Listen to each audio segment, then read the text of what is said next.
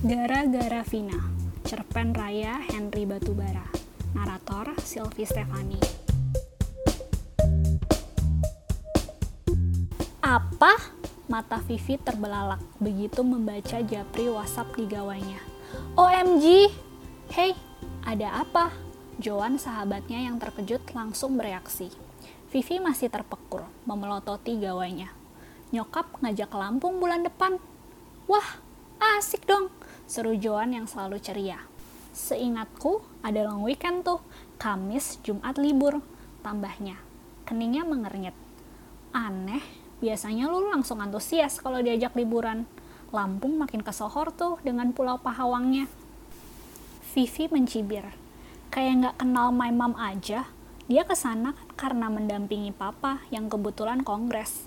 Tahu nggak sih, dua bulan lalu mama masih ogah ikut. Alasannya terlalu dekat dari Jakarta. Tapi lo lihat, Vivi mengedikan bahu. Tiba-tiba doi maksa gua kudu ikut nemenin. Tahu napa? Joan menggeleng cepat.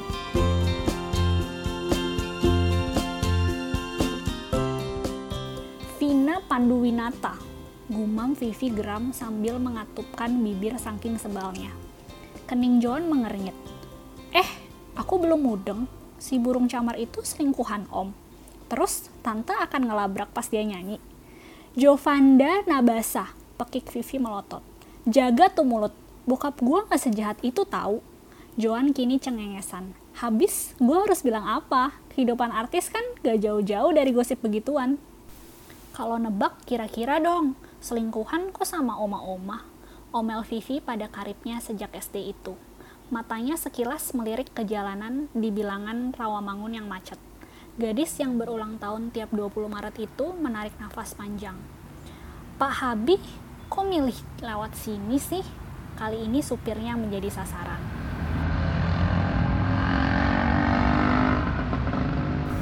Kedua remaja kelas 11 SMA itu memang hendak ke mall di bilangan Cipinang yang baru diresmikan. Hah, telat deh nontonnya. Vivi masih ngedumel. Hah, mana view-nya jelek gini, gak bikin sejuk di mata tahu. Dihelanya nafas panjang. Macet di Tamrin sih masih mending. Astaga, Olivia Christie, tukas Joan. Please deh, kalau mau lancar pakai rider sana. Huh, dibayar berapa lo sama supir gua? Dengus Vivi memalingkan muka. Tak sengaja, tertangkapnya Joan mengedip pada lelaki setengah abad itu. Heh, pakai main mata segala. Joan pun tertawa ngakak. Pak Habi hanya mesem-mesem. Si bungsu ini terkenal memang sebagai ratu tercerewet di rumah. Tapi, meski bawel, hatinya baik sebenarnya. Bintang tamu pada malam gala dinernya, si Vina itu. Lu tahu kan bokap nyokap ngefans banget sama itu artis? Eh, gue heran deh. Kalau om tante memang demen banget sama itu artis, kenapa salah satu dari kalian tidak diberi nama Vina? Yang ada Nita. Lu malah Olivia. Vivi termangu. Agaknya juga baru menyadari kebenaran unek-unek Joan. Eh, betul juga. Kenapa kami anak-anak gak ngeh ya? Setahu kami, Papa dan Mama awalnya ketemu di resepsi pernikahan Ari dan Grace di Hotel Mulia. Mereka ingat sekali waktu itu.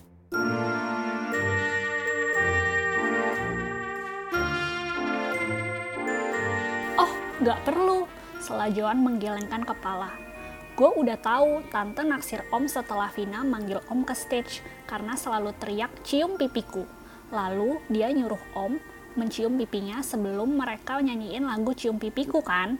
Sekarang Vivi yang gantian keheranan. Alisnya terangkat. Kok tahu? Halah, udah puluhan kali lo cerita kali. Vivi menggeleng gusar. Masa sih? Tapi mama juga udah puluhan kali. Derita lo. Joan mengibaskan tangannya. Udah nyampe? Ayo turun. Eh, by the way, AADC kita tonton setelah pulang liburan ya. Joan langsung membuka pintu tanpa menunggu persetujuan Vivi. Vivi terpaksa mengikuti, tapi omelannya tetap tak ketinggalan.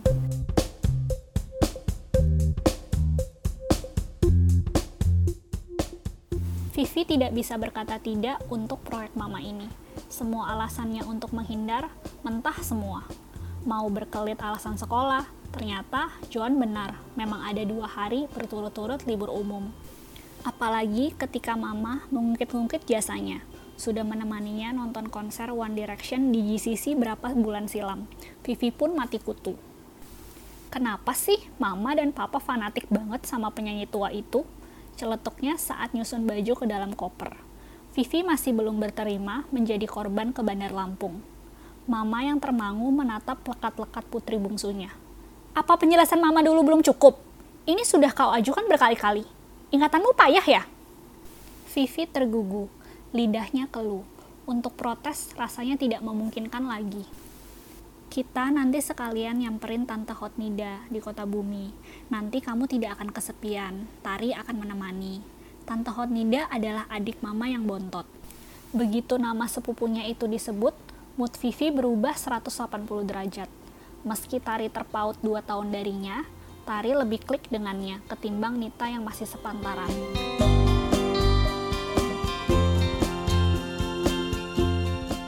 Namun seperti kata pepatah, malang tak dapat ditolak, untung tak dapat diraih. Satu mata kuliah yang kalah menyebabkan Tari harus ikut semester pendek. Asa Vivi pupus sudah, padahal semula Tari akan mengajaknya wisata kuliner. Dengan kekecewaan yang mendalam, Vivi pun terpaksa merapat ke orang tuanya. Mereka bahkan tiba lebih dini agar dapat posisi strategis. Duduk di dekat panggung pasti lebih seru. Siapa tahu nanti papa berkesempatan lagi cium pipinya. Ya kan, Pak? Ya ampun, centilnya mama. Papa hanya terbahak. Bola matanya berbinar memancarkan pendar-pendar kebahagiaan. Ah, papa dan mama memang sejoli yang sangat klop. Mama gak cemburu, Celutuk Vivi spontan. Kalbunya masih diliputi kabut tebal. Wanita bergaun hitam yang masih terlihat muda di usia 40-an itu tertawa renyah. Ya enggak lah, sautnya sambil menggamit lengan papa dengan mesra. Seakan khawatir ada yang menculik papa dari sisinya. Vivi makin dongkol, bukan apa-apa. Membayangkan ia duduk sendiri, sementara yang lain ikut bernyanyi atau berjoget atau berjingkrak-jingkrak. Betul-betul menyayat hati sakitnya tuh tak hanya di sini, melainkan di sana-sini.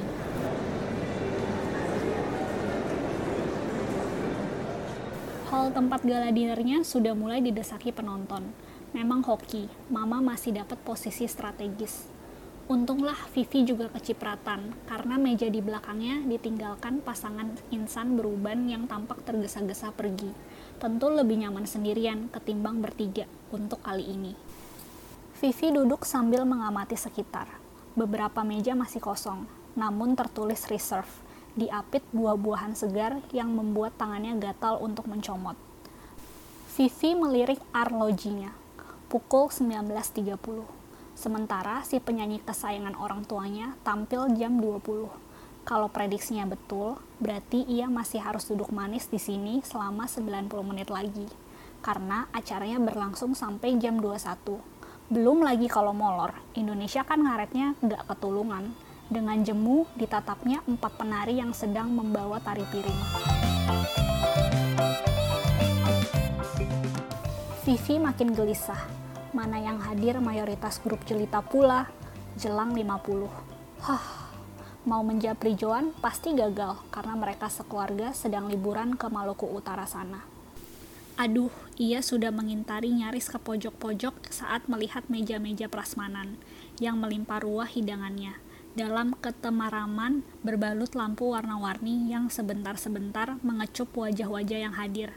Nyaris semua sudah bangkotan, semua di level dekade 5 ke atas alias lanjut usia. Sendiri, boleh duduk? Suara bass yang diucapkan setengah teriak itu membuat Vivi terlonjak. Tangannya refleks terangkat, mempersilahkan pria berkumis tipis itu duduk, sambil menengguk lemon squashnya. Di liriknya pria yang mengenakan kemeja hitam dan bawahan jeans gelap itu. Hei, usianya mungkin sepantaran dengannya. Perawakannya tinggi dan kokoh. Agaknya seorang yang hobi olahraga. Tak mungkin kan Tuhan mengadugrahkan badan atletis begini dengan gratis? Vivi tidak bisa menilai lebih detail karena suasana di dalam yang riuh nan semi gulita. Tapi itu pun sudah membuat dia bersorak. Mama Mia, akhirnya ia punya gebetan juga.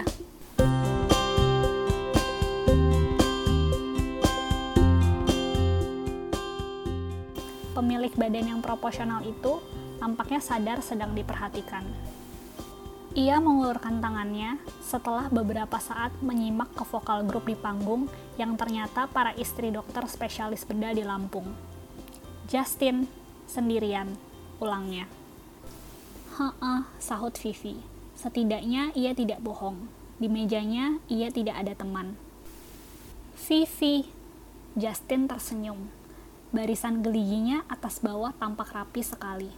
Kening Vivi mengernyit Hmm, sepertinya mereka pernah bertemu, rasanya. Vivi agaknya terpaksa hadir di sini, tebak Justin.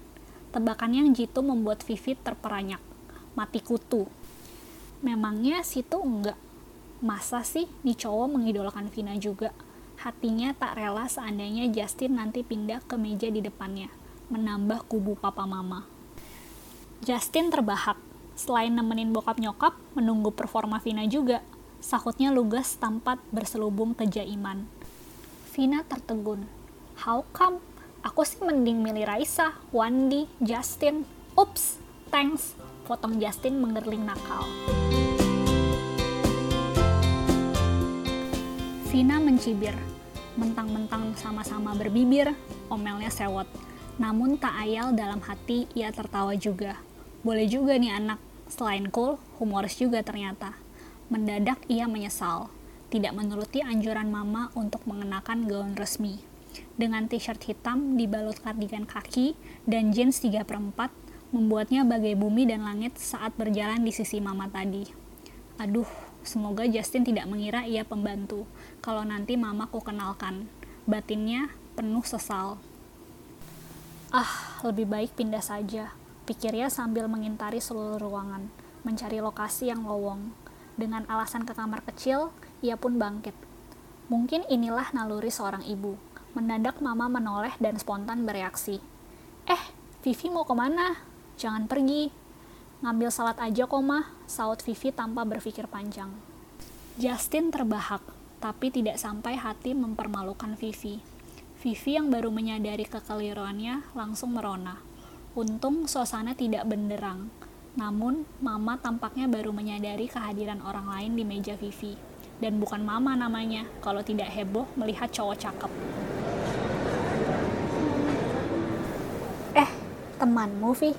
Tanya Mama bangkit dan mendekat. Vivi makin deg-degan. Duh, jangan Nora ya, Mah. Pintanya dalam hati. Siapa namamu, nak? Justin menyambut uluran tangan Mama seraya menyebutkan namanya dengan lengkap. Mama tampaknya berpikir sebentar. Keningnya mengernyit. Rudy Mar, gumamnya sambil mengangguk-ngangguk. Papamu dokter bedah di Bandung, tanyanya lagi. Benar tante, Justin mengangguk tersenyum. Tante kenal. Mama menjentikkan jari. Bukan kenal lagi. Meja mereka mana? Mama ikut kan? Justin mengangguk dan menunjuk meja orang tuanya tapi ternyata letaknya cukup jauh, sehingga mama enggan untuk menyamperin.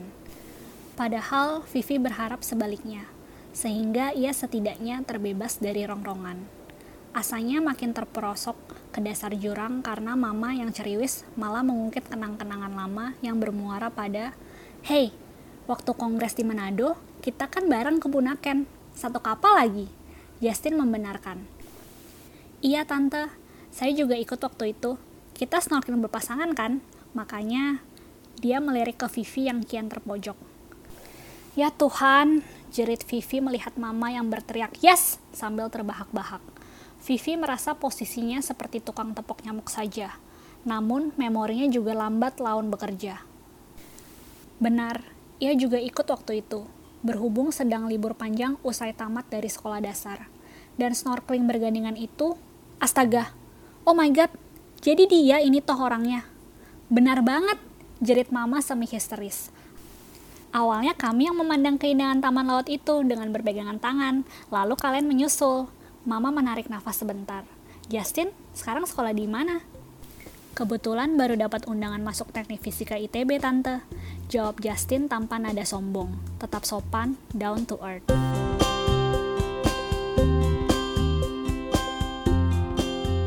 Mama terbelalak sambil menggeleng-geleng. Hebat. Kini matanya mengerling ke Vivi. Dua tahun lagi bisa dekat-dekatan dong sama Vivi, yang kebetulan sangat berminat ke kedokteran umpat. Ya ampun, lihainya mama berimprovisasi. Belum seminggu dia diwanti-wanti agar ngikutin jejak papanya ke FKUI. Vivi tak kuasa untuk bertahan lagi. Ia tahu godaan-godaan nakal yang pasti segera meluncur dari mulut mama.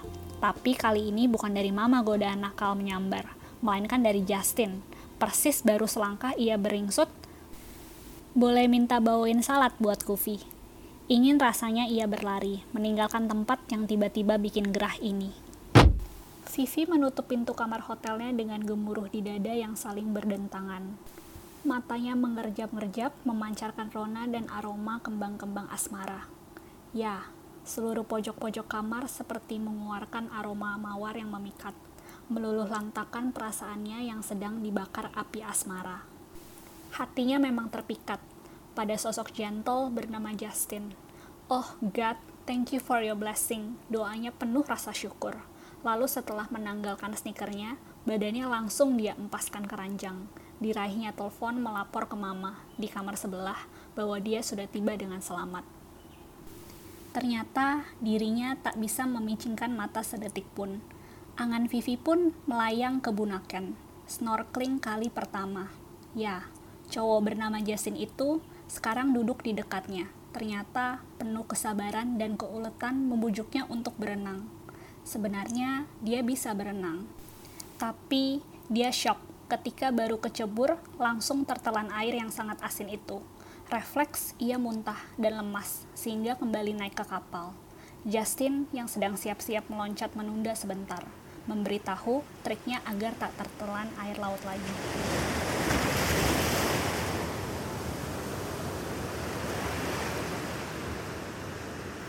Akhirnya, Vivi pun menurut setelah Justin kembali 15 menit kemudian.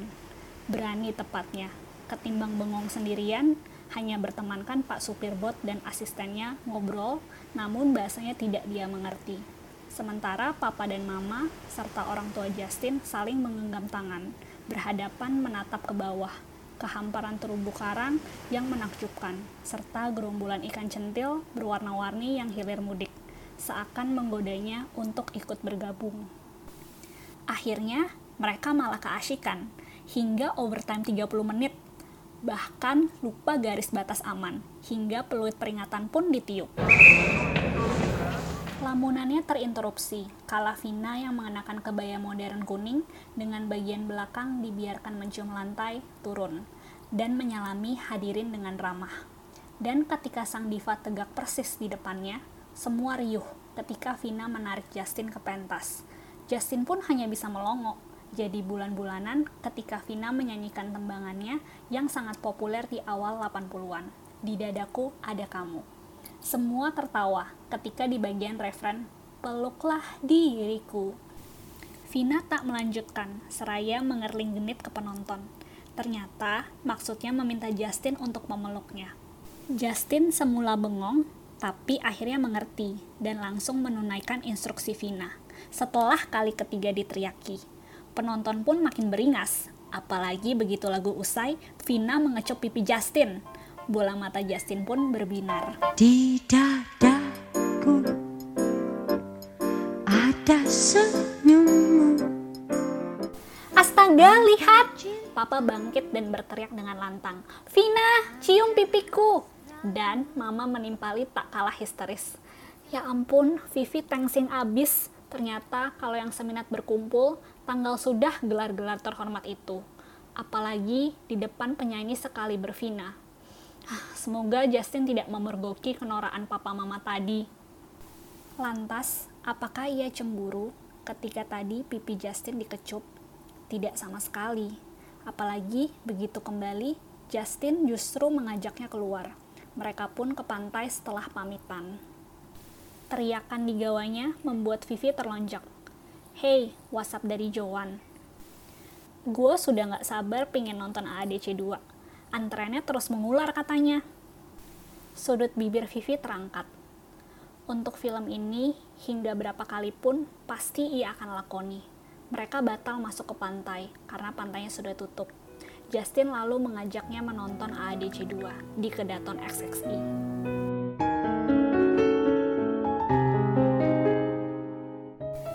Saat air mineral memasuki kerongkongannya, angannya masih melayang sambil meresapi segarnya air itu. Sesegar hatinya kala mengingat tangan Justin yang perlahan menyentuhnya, lalu akhirnya mantap menggenggam tangannya. Kehangatan pun mengaliri peredaran darahnya, menimpali degup jantungnya yang berdetak bergelimpangan. Ah, ternyata benar kata filsuf.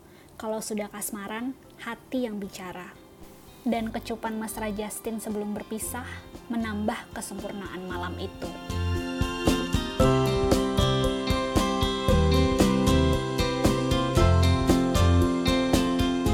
Suara ini hasil kerjasama divalitera.org dan Tokopedia.